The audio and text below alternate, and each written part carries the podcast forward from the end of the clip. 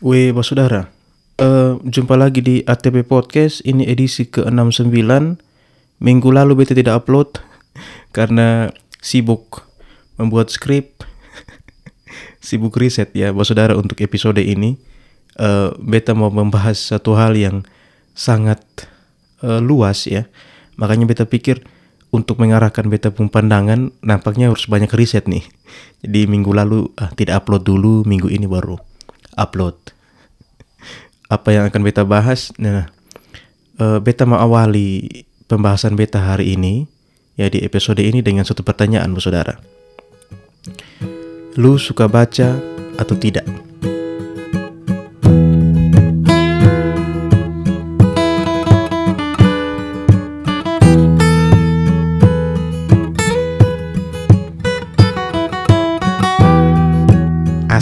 Kalau beta, Bu Saudara, paling tidak suka baca, ya, dulu. Beta baru buka buku, pasti satu atau dua halaman langsung mengantuk tuh. nah, tidak heran juga Bu Saudara, nampaknya memang orang tuh lebih suka sesuatu tuh kalau sifatnya audio dan visual ya. Makanya jangan heran bahwa podcast ya, yang core-nya adalah konten audio, kemudian menjelma, menjelma menjadi konten audio visual. Ya, podcast, eh, iPod broadcast ya, itu radio online kalau dulu kita bilang. Tapi em, di akhir-akhir belakangan ini bahkan bukan belakangan ini juga 3 4 tahun ke ke belakang itu ya, lu dengan mudah bisa temukan podcast itu ya orang sudah identikan dengan konten audio visual ya. Nah, lu bisa dengan mudah menemukan di YouTube ya, dua tiga orang atau lebih dengan meja plus boom arm mengapit mic broadcast ya. Tidak lupa latar belakang berisi kalimat-kalimat em, motivasi dalam bahasa Inggris. Seakan-akan menjadi statement tentang suatu filosofi yang kuat. Hmm. Dengan mudah tuh lu ketemukan keadaan seperti itu ya. Ada mic ya, kemudian ada dua tiga orang bicara tentang satu hal ya kemudian di latar belakangnya ada kalimat-kalimat motivasi ya. dan ya itu karena orang lebih suka audiovisual bos saudara ya. bahkan em, kalau buat eh, bos saudara yang eh, biasa pakai Spotify untuk dengar lagu atau dengar podcast ya em, kemudian si itu si Spotify ini melirik juga tuh saudara video podcast ya. Jadi bisa dikatakan lah bahwa kita itu makhluk audio visual bos saudara. Jadi kalau lu dikasih buku untuk dibaca nampaknya butuh dari lebih lebih dari sekedar perjuangan untuk lu bisa selesaikan buku itu. Ya kalau eh, menurut Bapak Podcast Indonesia Bapak Adriano Colby wah ini jumlah upload podcast di dunia itu menurun Mas Saudara. 80% di akhir tahun 2022 sampai awal 2023. Ya, semakin jelas ya Bos Saudara, kita lebih suka hiburan yang memanjakan mata sekaligus telinga ya. Bukan yang hanya memanjakan telinga saja. Ya, eh, atau hanya memanjakan mata saja. Oh, ini juga menjadi pergumulan ya.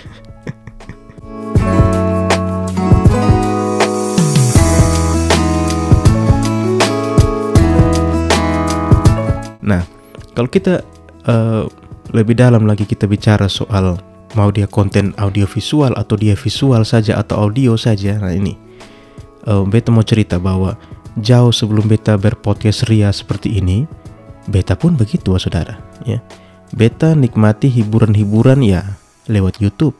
Kalau tidak ada kuota internet, beta akan mendownload tuh film-film ya selagi punya akses wifi di kampus atau di mana begitu. Jadi download-download film-film liar begitu saudara simpan di hard disk atau simpan di laptop kemudian sampai kos nonton ya. Eh, nampaknya hanya beta yang begitu ya. Mungkin mas saudara yang lain kan em, nonton di bioskop begitu ya.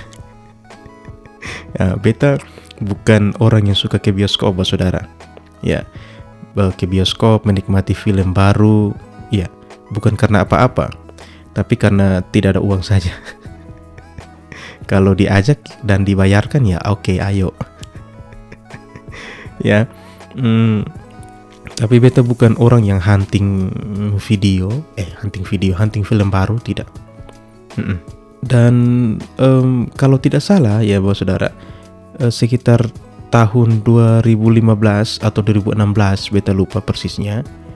Beta pernah copy film ya dari teman dan dia kasih satu film ya. Memang ada beberapa film waktu itu. Tapi ada satu film itu judulnya itu The The, The Equalizer. The Equalizer. Nah pemerannya ini ya sangat terkenal loh saudara. Denzel Washington. Nah kalau film ini beta lihat bahwa rilis resminya tahun 2014 tapi beta baru nonton ya sekitar tentang 2015 2016 lah seperti itu. Nah ini film yang tipenya tuh kayak Taken ya kayak Taken begitu. Jadi Denzel Washington ya dengan karakter Robert McCall yang begitu kuat bos saudara. Uh, kalau beta mau cerita ini akan menambah durasi podcast ini nih. Jadi uh, bos saudara ini nah, nonton sendirilah ya. Nah bos saudara yang beta mau highlight dari film ini adalah tokohnya si Robert McCall ini bos saudara. Uh, dia ini suka baca bos saudara. Dalam jalan ceritanya uh, buku adalah media untuk dia mengisi waktu ya. Sempat terucap dari dia dari ada beberapa dialog itu ya. Um, bahwa dia tuh punya list saudara 100 buku yang harus dibaca sebelum dia mati. Jadi sudah ada listnya itu dan ini menjadi ciri khas dari sosok Robert McCall saudara karena apa karena di tahun 2018 itu The Equalizer 2 rilis. Dan ketika beta nonton, dia masih baca dan nampaknya dia punya list yang baru, saudara. Jadi kalau di The Equalizer yang pertama ada list 100 buku, nanti di di The Equalizer 2 dia sudah mulai list yang baru lagi. Luar biasa. Hmm. BTW saudara, eh, beta baru baca juga kemarin waktu searching, ternyata September 2023 uh, film The Equalizer 3 ini keluar lagi bos saudara. Ya jadi lanjut lagi. Nampaknya dia punya list baru lagi tuh.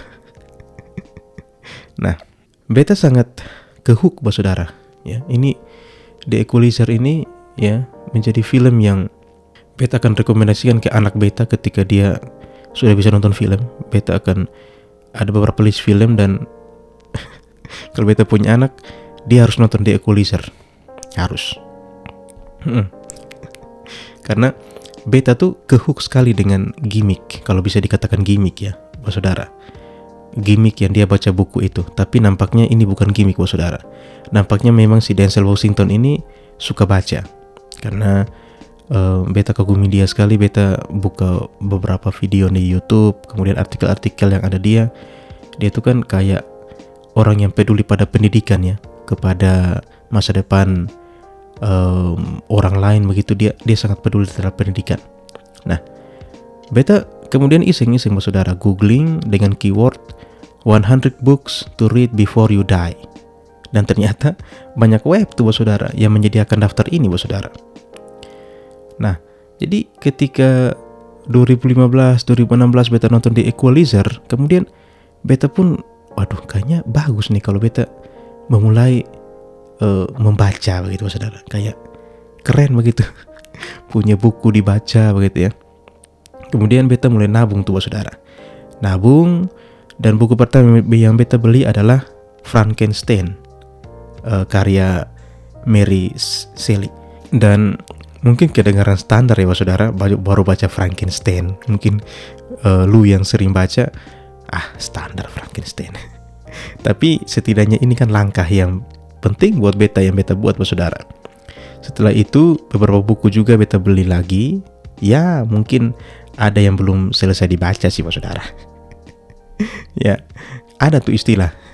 Uh, lu beli buku kemudian lu belum lu belum baca atau uh, lu hanya pajang saja itu ada istilahnya namanya sundoku. Ini bahasa mungkin Jepang ya. Ya, artinya kita membeli atau mengoleksi buku tapi tidak dibaca. Eh kalau beta kan bukan tidak dibaca tapi belum selesai dibaca itu. ya termasuk ada salah satu buku hadiah dari Lai. Ya Lai terima kasih. Tahun 2019 tuh Lai kasih beta buku judulnya The Count of Monte Cristo. Wah ini buku yang lumayan tebal. Jadi beta belum baca selesai sampai sekarang ya. Mungkin akan selesai nanti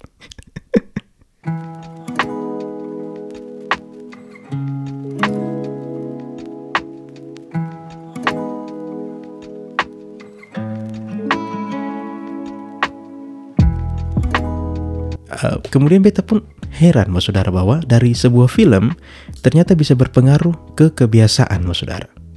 Beta nonton Denzel Washington suka baca di The, Equalizer, kemudian beta pun uh, tergerak untuk beli buku baca begitu ya. Dan beta kemudian bertanya-tanya apakah ini fenomena yang normal gitu.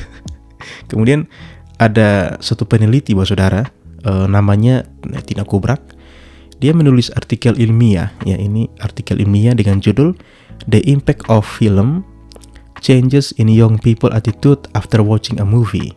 Jadi apakah setelah menonton uh, film tuh bisa berpengaruh pada perilaku orang? Nah, the impact of film changes in young people attitudes after watching a movie. Wah, ini artikel yang menarik, Bos Saudara. Dia mengukur beberapa parameter dalam penelitiannya, Saudara.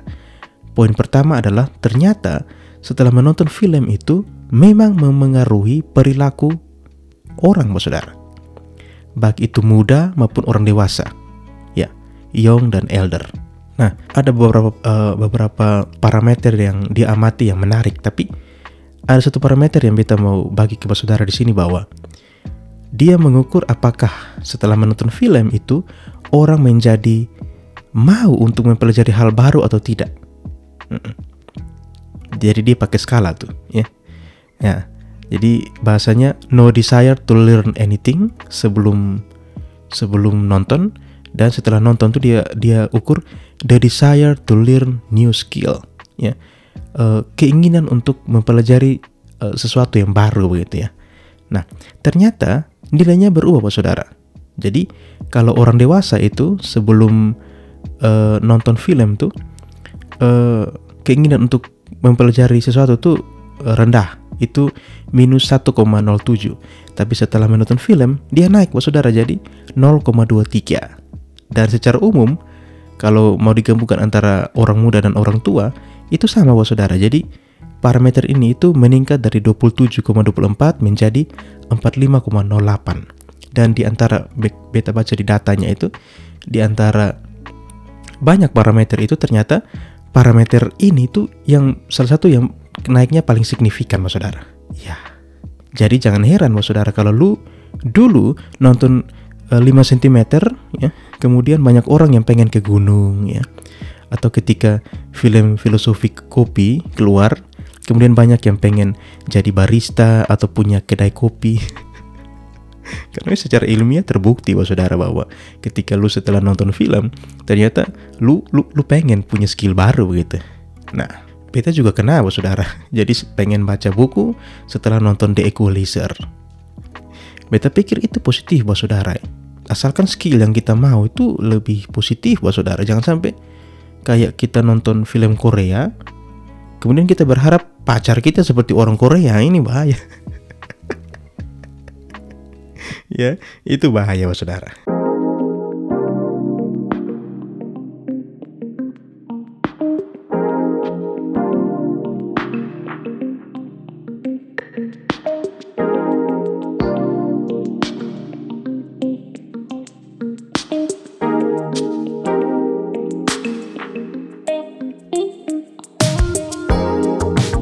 Nah, Mbak Saudara, beta kemudian berpikir ya, Ternyata besar juga ya pengaruh media audiovisual ini, Mas Saudara. Ya, parameter tadi itu hanya satu saja, Mas Saudara. Beberapa parameter yang lain seperti beta bisa sebut uh, dari orang yang tidak punya tujuan menjadi punya tujuan. Jadi purposeless menjadi purpose alias ya sebelum nonton film mungkin lu bingung dengan tujuan hidup setelah nonton film ternyata punya tujuan hidup ah ini Kemudian beta berpikir bahwa kenapa tidak pendekatan-pendekatan seperti ini itu diaplikasikan ke dalam dunia pendidikan, Mas Saudara. Nah, ada satu istilah, Mas Saudara, kita sebut sebagai literasi. Ya. Secara sederhana, Bapak Saudara, literasi itu adalah kemampuan dalam membaca dan menulis. Beta baca di uh, websitenya Ruang Guru, membaca dapat diartikan sebagai proses uh, proses menerjemahkan lambang-lambang bahasa hingga diproses menjadi suatu pengertian. Nah, kalau menulis itu adalah mengungkapkan pemikiran dengan menggunakan lambang-lambang bahasa hingga membentuk suatu pengertian. Entah kenapa, ketika membaca uh, tentang literasi ini, Bapak Saudara, beta langsung berpikir ke masa-masa SD, SMP, SMA ya, Bapak Saudara. Masa-masa di mana orang tua tuh paksa kita harus ke sekolah. Guru mendidik kita dengan rotan, ya. Um, kalau tidak bisa jawab pertanyaan disuruh berlutut, ya. Uh, kayak sekarang guru tidak bisa seperti itu lagi ya karena sudah ada undang-undang perlindungan segala macam di negara api sana ya oh, itu sudah ada perlindungan sehingga rotan mungkin tidak ada lagi ya. Atau disuruh berlutut kalau tidak bisa jawab pertanyaan kan tidak mungkin lagi sekarang toh. Oh kalau beta dulu pernah tuh ada pengalaman uh, kelas 3 SMA kalau tidak salah jawab salah uh, pertanyaan di apa mata pelajaran kimia kemudian disuruh berlutut. Ya. Hmm, beta berpikir kalau dulu tidak mendapat pendidikan seperti itu, wah saudara, nampaknya kemampuan literasi beta itu akan rendah. Ya. Secara tidak langsung, kemampuan literasi itu muncul dari dunia pendidikan, baik formal maupun informal, wah saudara. Ya. ya, kalau dulu beta tidak sekolah, nampaknya beta tidak bisa tuh seperti sekarang ini. Beta mungkin masih hidup, ya, tapi ya dengan kemampuan yang terbatas. Ya Bahkan beta tidak bisa buat podcast, Bapak Saudara. Tidak bisa tidak bisa buat skrip, tidak bisa buat pointer untuk episode ini misalkan. Ya. Entahlah Saudara. Ada yang kemudian kemarin uh, viral di mana-mana bahwa bilang pendidikan itu scam. Alias pendidikan itu sebuah penipuan, Bapak Saudara. Ya. Um, ya um, beta mau bilang sah bos yang buat seperti itu ya oke okay lah lu yang hidupnya sudah enak di kota besar ya. Apa apa-apa ada mungkin lu dengan gampang bisa omong seperti itu. Lu tidak pikir ada orang tua tuh yang berjibaku di sawah dan di ladang untuk anaknya bisa sekolah dan kuliah ya. Lu tidak pikir tuh ada orang tua yang um, ya banting tulang untuk anaknya ya dengan segala daya upaya mereka bisa begitu ya orang tua tidak tidak pikir tuh setelah anaknya wisuda akan jadi CEO perusahaan internasional ya yang bisa minum kopi 80 ribu di uh, lobby hotel mungkin atau orang tua tidak pikir tuh anaknya akan menjadi direktur ya yang mereka pikir adalah apa Jangan sampai anak mereka bernasib seperti mereka. Titik. Tidak ada koma itu, saudara. Ya. Uh, buat itu bapak yang membuat konten itu ya, lu lumayan kurang jauh, bos. Ya. Lumayan lah ke ke wilayah timur, ke kami ke NTT sini baru lu tahu bahwa um, seberapa bangganya orang tua kepada anaknya yang yang kuliah atau sekolah dan seberapa hebatnya perjuangan mereka untuk itu.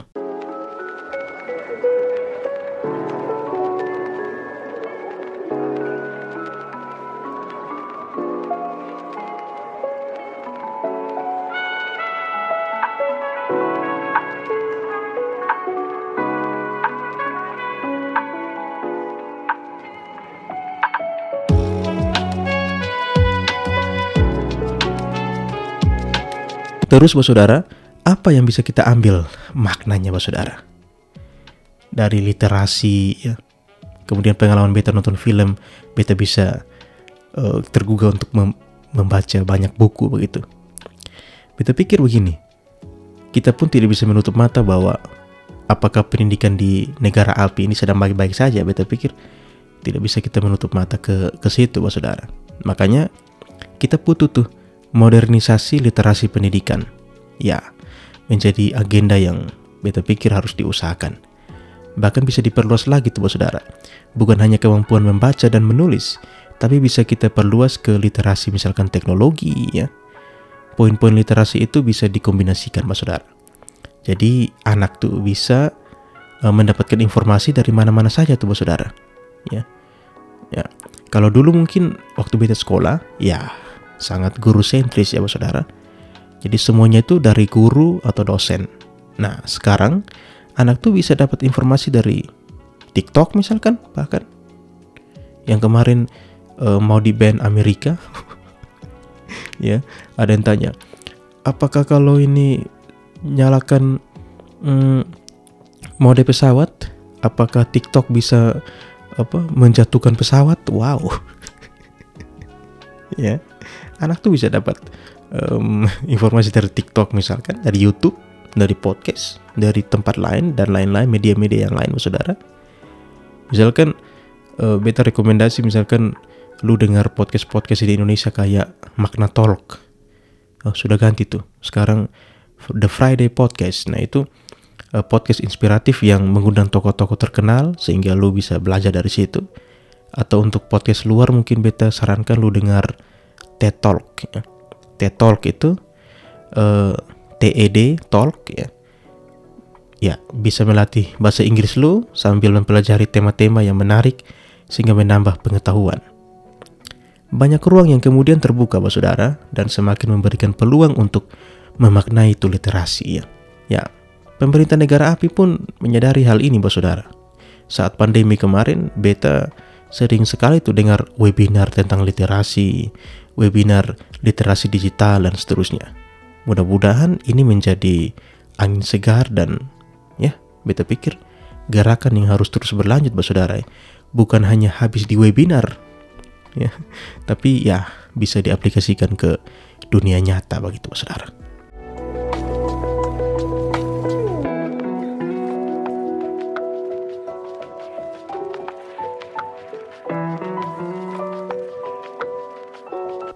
Kalau kita bicara literasi, Bapak Saudara, ada satu tokoh yang beta bisa bilang sangat berjasa untuk literasi.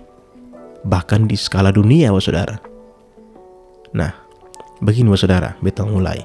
Bahwa uh, artikel ilmiah, wah saudara, dari jurnal-jurnal di dunia, itu ada yang gratis dan ada yang berbayar, wah saudara. Contoh yang tadi beta um, cerita ke saudara soal penelitian tentang dampak nonton film itu, itu artikel dari orang Rusia kalau tidak salah beta lupa. Um, beta pernah di keadaan ini mas saudara. Uh, beta pernah di sekitar tahun 2015 waktu itu ada tugas kuliah.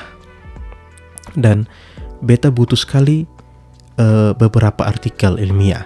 Dan saat itu saking bingungnya bos saudara beta sempat untuk memohon bantuan dari salah satu senior yang waktu itu sedang kuliah di Amerika Serikat untuk bantu beta. Ya bantu apa? Bantu untuk mungkin bisa akses artikel ilmiah yang tidak bisa diakses oleh kami di negara api ini. Ya dan waktu itu beta kirim pesan lewat Facebook. Hmm. dan sampai Facebook beta hapus dia tidak balas pesan itu. Ya. Dan di saat itulah kemudian ada ada kakak senior dulu dari Ambon ya yang kemudian memperkenalkan beta dengan sebuah situs namanya Skihub, Skyhub lah atau Skihub ya, apa pun penyebutannya.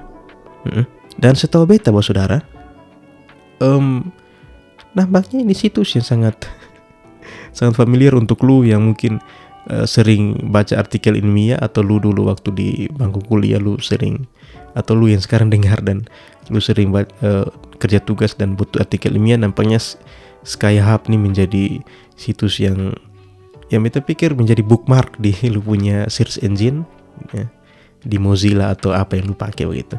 Hmm. Nah, hampir semua orang pakai, bos saudara. Jadi bisa dibilang ini situs yang ilegal dalam tanda kutip. ya. Dan tokoh tokoh yang sangat berjasa untuk mengadakan situs ini tuh apa? Ya, namanya Alexandra Elbakian. Dia ini orang Kazakhstan, mas saudara. Kazakhstan. dia tuh mahasiswa kedokteran mas saudara mahasiswa kedokteran itu penelitian S2 nya itu tentang saraf ya saraf kemudian ternyata dia tidak selesaikan S2 nya kalau tidak salah ya e, kemudian dari risetnya tentang saraf ini dia kemudian menjadikan ini sebagai pemodelan ya sederhana bahwa nampaknya sistem saraf ini bisa bekerja sistemnya sama dengan jaringan komputer nih ya. Kemudian di tahun 2011 dia bangun Skyhub karena dia pun mengalami kesulitan yang sama dalam mendownload artikel-artikel ilmiah. Ya.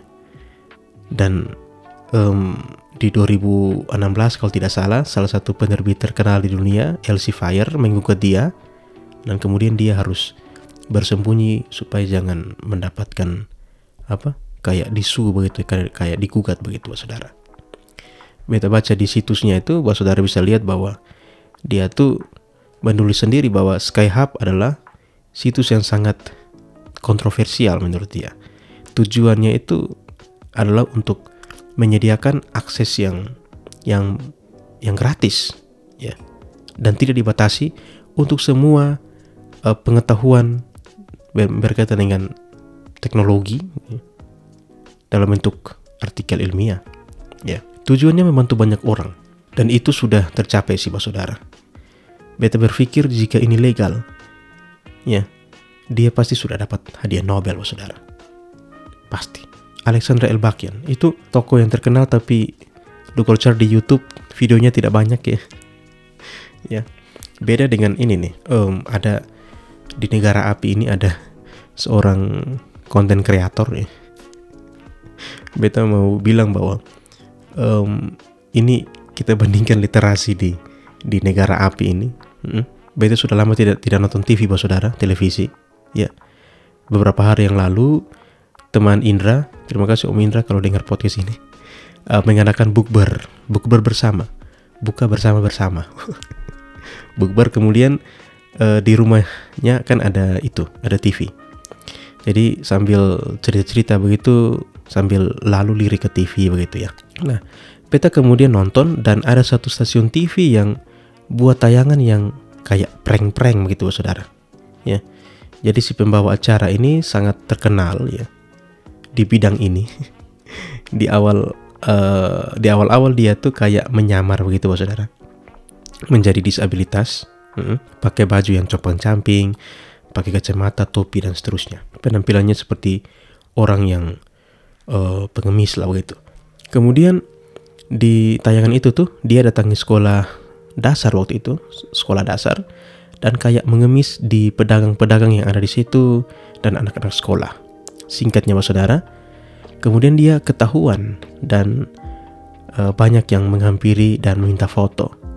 Beta lupa persis apakah dia ketahuan atau dia uh, bilang ke anak-anak, coba tebak saya siapa, coba tebak saya siapa. Oh, ini terangnya ya, belum selesai tuh saudara. Ya, jadi dia ketahuan kemudian atau mungkin dia juga dia mengungkapkan dirinya sendiri beta agak lupa juga kemudian banyak orang yang menghampiri dia dan minta foto tapi beta pikir setelah itu sudah selesai ini tayangan. Ternyata belum tuh saudara. Kemudian dia ambil dua anak SD, bos saudara, dengan pakaian seragam SD, satunya tidak, dan minta mereka untuk uh, prank orang lain lagi.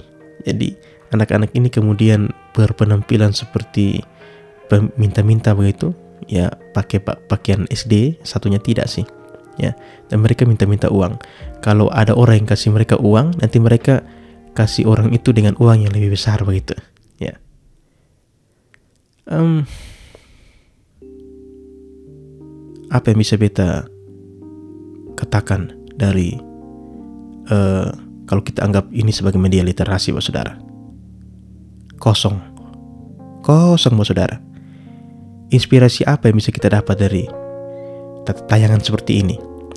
Anak SD dengan pakaian SD minta-minta uang. Apa yang bisa lu dapat, Bapak Saudara? Kosong. Hey, anak-anak kita tuh sudah dididik untuk bermental instan loh saudara. Ya, um, dari konten ini tuh mungkin banyak lu bisa setuju atau tidak. Tapi dari konten ini tuh beta lihat satu makna bahwa saudara bahwa anak-anak kita tuh tidak dididik untuk mempunyai daya juang untuk mendapatkan sesuatu. Hmm. Karena instan saudara, mau semuanya ada gitu ya. Mau mau uang tinggal minta. Wow. Katanya negara api ini 2000, 2045 akan menjadi kekuatan ekonomi dunia tuh. Hmm. Jangan harap, Pak Saudara. Kalau tontonan saja masih ada seperti ini. Nah, jangan harap. Oke lah, 55% penduduk negara api ini kan anak muda atau katanya sehingga menjadi akan 2045 menjadi kekuatan ekonomi dunia. Tapi ya kalau anak mudanya di tontonannya seperti ini, ya, beta pikir sudah saatnya saudara kita move on dari hal-hal standar seperti ini. Literasi itu beta ibaratkan kan seperti terasi.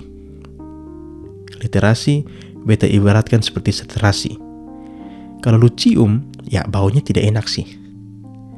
Tapi kalau sudah tambah dengan lu tambahkan sebagai bumbu di masakan, hmm, lu tahu tuh bagaimana enaknya kalau masakan itu ada terasi. Maknanya apa?